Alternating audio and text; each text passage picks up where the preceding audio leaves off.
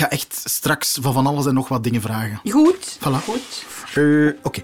Hey, ik ben Sander. En sinds mijn acht jaar voel ik me iedere avond thuis bij mensen die niet in mijn huis wonen. En maar goed ook, want anders stond mijn kelder in brand.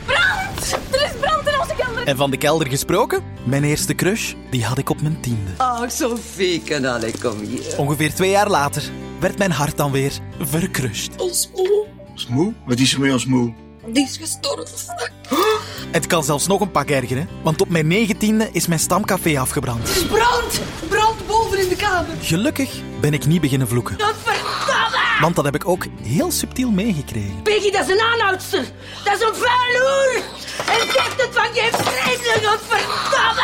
Nu, op mijn 29ste, ben ik een echte VRT. Ik werk bij de radio en tv en daardoor kan ik het hen eindelijk vragen. Niet? Nee, ehm, andere vraag. Hoe zot is het om mee te spelen in de grootste dagelijkse fictie van ons land? De Thuisploeg. Ik ben thuis, waar iedereen je kent en je altijd kan zijn wie je bent. Je bent ergens beter dan thuis. Dat ga ik. Dag Sander. Hey, dag Rosa. Eh, dit is voor mij echt heel raar. Is ik ga dat gewoon zo? nu al zeggen, omdat het voelt alsof ik zo gewoon bij mijn tante op bezoek ben of zo. Oh, maar dat is fantastisch. Dat is eigenlijk ook zo. Wist je dat niet? Nee, maar dat- ja, ik, ik, ik, ik, ken u al zo lang. Je bent al zo lang in mijn leven. Ja, het is gek, hè? Ja. Het, het voelt zelfs een beetje... Ter voorbereiding van deze podcast ben ik dan eh, terug gaan kijken naar oude thuisafleveringen en zo. En dan dacht ik, oh, wat had mijn tante vroeger grappig haar. Zo, dat soort dingen had ik. Ja, ja, maar pas op, ons haar, daar was op gestudeerd, hè? Ja? Absoluut, ja, ja. Het was eigenlijk ook wel knap. Dat was de eerste keer, denk ik, dat zoiets gebeurde. Wij zijn toen echt gestyled. Er werd echt gekeken van hoe, hoe dat ons haar ging zijn. Dat werd afgestemd op ons personage. Wij gingen aan een kapper in Brugge en die had ons echt ons gezicht bekeken, onze rol bekeken. En die had gezegd, en zo gaat dat zijn. Maar nu we het toch over eh, de kapper hebben Ja. en zo. In de eerste jaren, Ja. kon, kon, kon jij echt... Oh, maar dat was fantastisch. Oh, dat was Ja? zo mooi. Ja, we hebben natuurlijk eh, heel veel geluk gehad, eh, Janine en ik. Wij zijn drie weken bij Academie Verbist in Antwerpen. Zijn wij mogen gaan kijken en echt mogen gaan leren hoe dat je knipt, hoe dat je schaar vasthoudt, hoe dat je Wauw. krollen inzet, hoe dat je brusht, hoe dat je... Omdat eh, ik... Dat, dat is iets dat enorm opvalt. Ik denk dat niemand weet hoe dan een kapper zijn schaar vasthoudt, buiten een kapper. Maar ik zie tegenwoordig regelmatig mensen die kappers spelen en die houden die schaar vast zoals een gewone mens. En dan weten direct, die is verkeerd bezig. Ja, want een kapper houdt zijn schaar bijvoorbeeld op een zeer specifieke manier eh, vast. Ja, en dat is eigenlijk speciaal omdat je niet in je eigen vingers zou knippen, wat dat eh, toch wel fijn Ja. is als je er een hele dag mee bezig bent. Dus, ehm, maar dat soort dingen, Ah, ja, ja. Hè? bijvoorbeeld van hoe pak je inderdaad zo krullen vast? Wat, hoe, hoe moet je, als je iemand zijn haar verft, hoe moet je die papiertjes ertussen zetten en zo? Hoe wast je iemand zijn haar? Hoe, ja, dat, is, dat zijn allemaal handelingen. En ehm, dat maakt allemaal dat de mensen het geloven Ja. wat dat je doet. En dat was eigenlijk van in het begin het eh, allerbelangrijkste. En ehm, dat is dat de mensen dachten van, ah ja, dat is Rosa, dat is een kapster. Ja. En dat ze niet dachten van, ah ja, dat is een feuilleton en dat is iemand die een kapster speelt. Maar dat dachten, dat is Rosa, dat is een kapster. Maar als er één iets is wat ik al geleerd heb dankzij deze podcast, is dat eh, eh, toen thuis begon, jullie waren zo voorbereid. Jullie hadden ook toch eh, repetities al maanden op voorhand. Het was fantastisch. Wij Ja. hadden echt repetities met, allee, in de decors. Wij hebben echt gezocht ook naar die personages. Dat hebben we echt, ja, gelukkig ook, want we waren ook maar met acht. Hè? Ja, ja. Dus dat- er moesten ook wel allemaal verschillende personages zijn.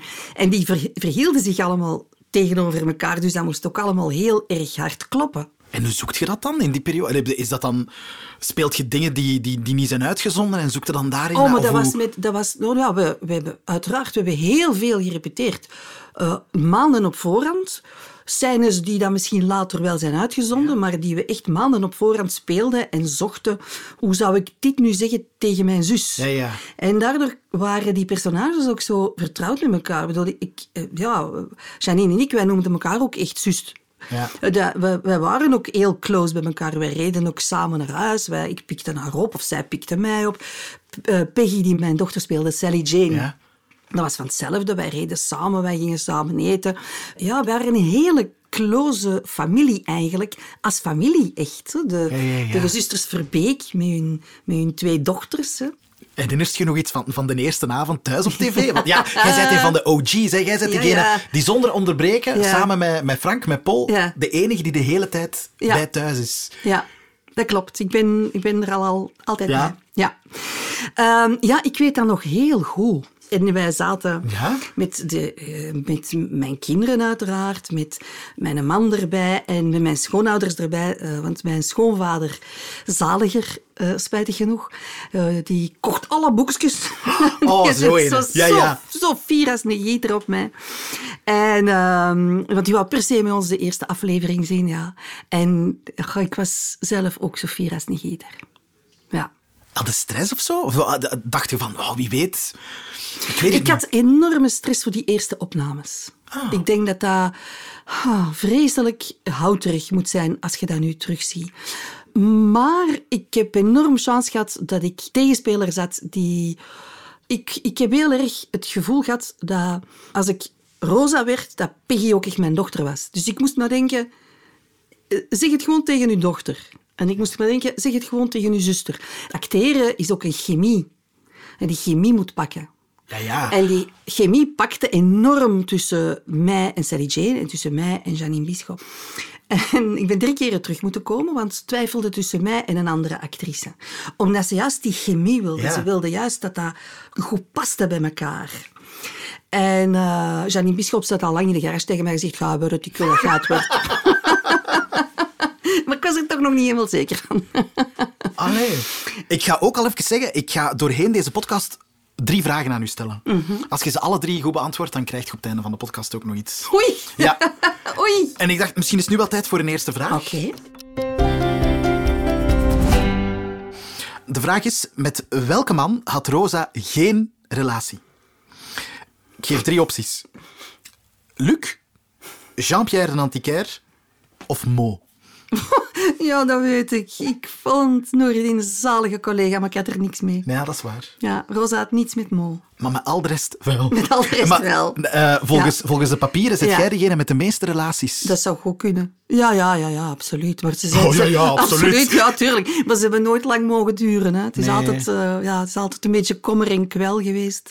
De Luc eh, is eigenlijk nog, heeft nog het, het, het langste volgehouden. En uiteraard De Forever. Oh. Hè. Ja, Waldeck Forever. Het blijft toch haar groot, grote Maar ja. liefde zijn. Dat is heel fijn als we spelen eigenlijk. Omdat je van die twee echt weet, Rosa en Waldeck, ja, eigenlijk, die zien elkaar doodgraag.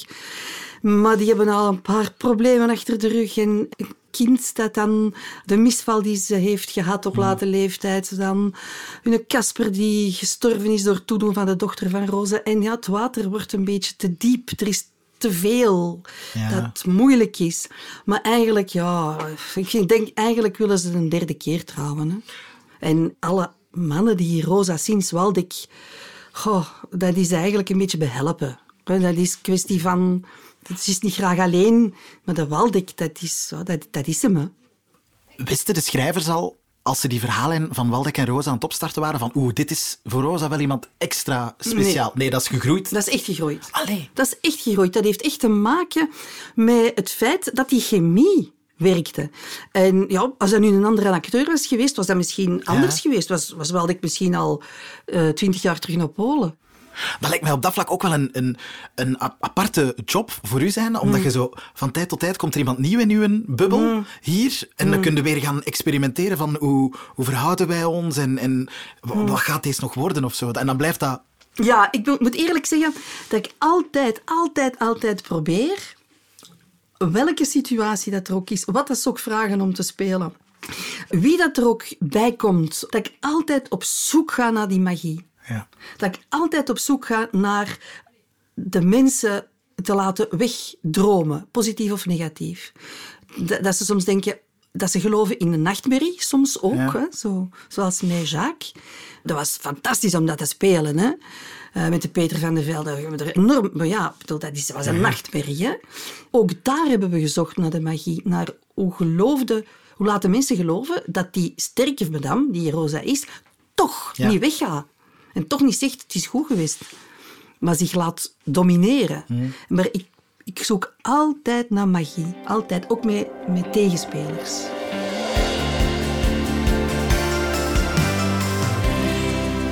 Wat mist je van decor het hardst?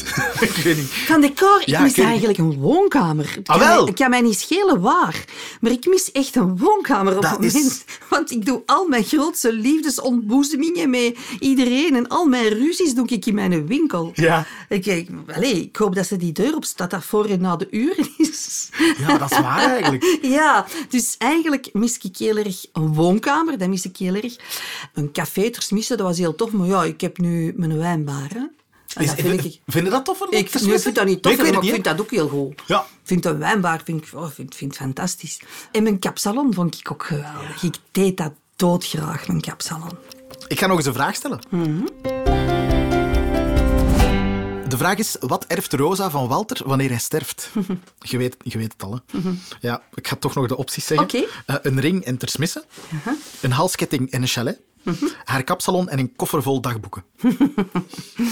Een eh, halsketting met een robijn, waar dat de Queen of England jaloers op zou zijn. Ja, dat is waar. En de chalet daarbinnen. Ja. ja. Ik denk dat ik die verkocht heb. We gaan er nooit meer naartoe. En die halsketting die zit in de kofferfort, denk ik, want die heb ik ook nog Ja. niet meer aan. Ik heb het met Lea Thijs nog over die scène gehad dat ze die Ja. halsketting moet afgeven. Ja, ja dat, was, dat was fantastisch. Hè? Want ik heb Lea nog niet genoemd natuurlijk, maar Lea is ook een fantastische collega. Eh, ja, dat is iemand, iemand als collega hebben die zo goed uw aardsvijandin speelt. Maar nu niet meer. Nee, nee, nee. Maar ik, vind dat ook niet zo heel vreemd. Ik vind het soms wel een beetje spijtig. Ah, wel. Ja, dat- Ik vind het soms wel een beetje spijtig, omdat dat toch wel... Dat is eten en drinken, hè. Ja. En de mensen zien dat ook wel graag. De mensen verwachten dat ook Ja. wel. En af en toe ja, geven we elkaar toch zo nog eens een steekje dat je denkt van, ja, de allerbeste vriendinnen zullen het toch nooit worden. Dus dat was ook een, een enorme motor, ons vijandschap. Ja, en ik ben daar heel vrij mogen gaan. hè. Ik ben zelfs mogen binnenbreken in de slaapkamer van Marianne. En ik heb daar allerlei verslenste bloemen in haar bed mogen leggen. En, en, en ja... De scène. Ja. De scène Ah, de die scène, de- altijd opnieuw overal naar boven komt. Ja. Ja. Ja, dat was heerlijk. Dat was heerlijk. Heerlijk. Ja. Ah, dat had ik niet verwacht. Ja, dat was heerlijk om te doen. Ook omdat ik had gevraagd aan, aan Rudy de Lem, die toen alle gevechtscènes deed in alle series. We hadden hem er ook bij gevraagd. We hadden zoiets van, we willen niet zomaar wat slagen en wat doen. We willen dat goed hebben. En ik had tegen de Rudy gezegd, het kan me niet schelen wat je doet, maar ik wil niet zo alleen maar met sacochen en trikken en aan de haren en auw en zo. Ik wil echt met een rechtse eindigen los op die neus van Lea. En dat is ook zo. Ik eindig echt met zo'n... Ja. Zo, los op de neus. Niet echt, hè? Nee, nee. Dus ik heb ze nooit pijn gedaan, hè? En ik vond dat zo knap. En ik denk dat dat ook zo, ja, zo legendarisch is geworden, omdat dat niet gewoon een gevecht was tussen vrouwen. Dat was echt, echt fight. En dan de omstandigheden waren ook geweldig, natuurlijk. Want het ging zo gezegd, het was zo gezegd in mei, denk ik, dat het zich afspeelde. En op het station lag er ongeveer een meter sneeuw. En eh, ik moest, doordat het zo heter en heter werd in de strijd, moest ik zeggen, ik doe mijn frak uit, want het wordt hier wat, wak- het wordt hier warm. En het was aan het vriezen min 10. het werd niet echt warm. Maar het, ja, het was zalig om te doen. Zalig Dus je bent eigenlijk blij dat die scène zo nog af en toe een keer opduikt. En... Ja, ja? ik ben daar, heel, ben daar ook behoorlijk trots op. Ja, ja. ik snap dat. ja. Als er dan toch een scène naar boven moet blijven Ja. komen, dan...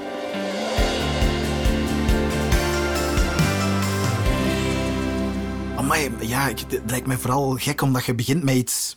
Met je- een klein groepje en je weet niet wat naartoe gaat. En opeens zitten in zo iets Ja. megalomaan groot dat Ja. heel Vlaanderen bereikt. En dat... Maar dan langs de andere kant ook heel, heel, heel dicht bij de mens is gebleven. Want het is niet zo dat wij opeens allemaal eh, onbereikbaar zijn. Ik ga nog altijd naar de Colruyt. en, en ik ben daar nog altijd aanspreekbaar. En dat is ook niet meer dan normaal.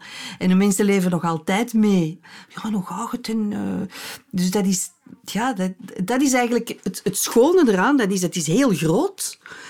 Maar het is tegelijkertijd ook the girl next door. En dat vind ik ook goed. Dat is ook goed. Ja, en ook gewoon de onderwerpen next door of zo. Allee, snap je? Ja, ja, het is eigenlijk in principe... eh, maakt hem mee wat dat nu wel in iets opgedreven tempo. Ik, ik hoop altijd dat niet iedereen op 30 jaar tijd moet meemaken wat dat Rosa allemaal heeft meegemaakt. Maar het zijn toch meestal dingen die gewoon heel dicht bij iedereen liggen. Ja. de laatste vraag gaat over... We gaan terug naar Tersmissen. Oké. Ja, gewoon omdat ik doe het zelf ook graag. Oké. Ooit heb je in een interview iets gezegd over Tersmissen. De vraag is, wat heb je gezegd? Dat is de moeilijke, denk Ja. ik. Ehm, dat jullie te veel last hadden van de buren, die altijd kwamen kijken. Ehm, dat de deur alles op slot was toen dat jullie een opnamedag hadden daar. Of dat de opnames regelmatig stil lagen door kakelende kippen die buiten rondliepen. Daar moet ik niet lang over nadenken. want Dat, was- dat, dat lag altijd stil door kakelende kippen. Het is correct. Het zijn de kippen. Ja, ja, dat was... eh, dat was een, oh, en dat is geen, ka- geen kakelende kip, was, dat was wel een paard dat begon te hinniken.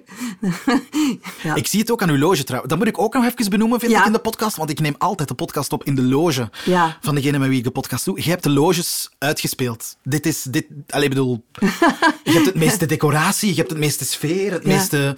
Is dat ook uw loge van u alleen? Ja, deze loge is van mij alleen. Hopla! Ja, ja. Allee, is te zeggen, als ik hier niet ben, zal er hier wel eens iemand anders zitten. het zal niet hè. vaak gebeuren, hè? Het zal niet dikwijls Ah. gebeuren en ze moeten hier ook niks plakken.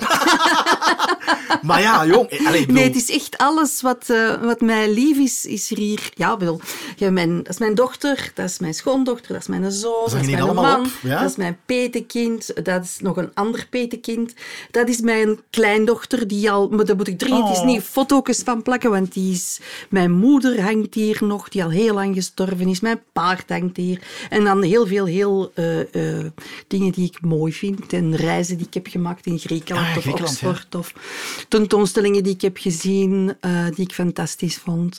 Ja, en dan... En Mattie was hier. Mattie was hier. Dat was waarschijnlijk eens op een bepaald moment dat de Matthias, dat ze die hier hadden Ah. gezet.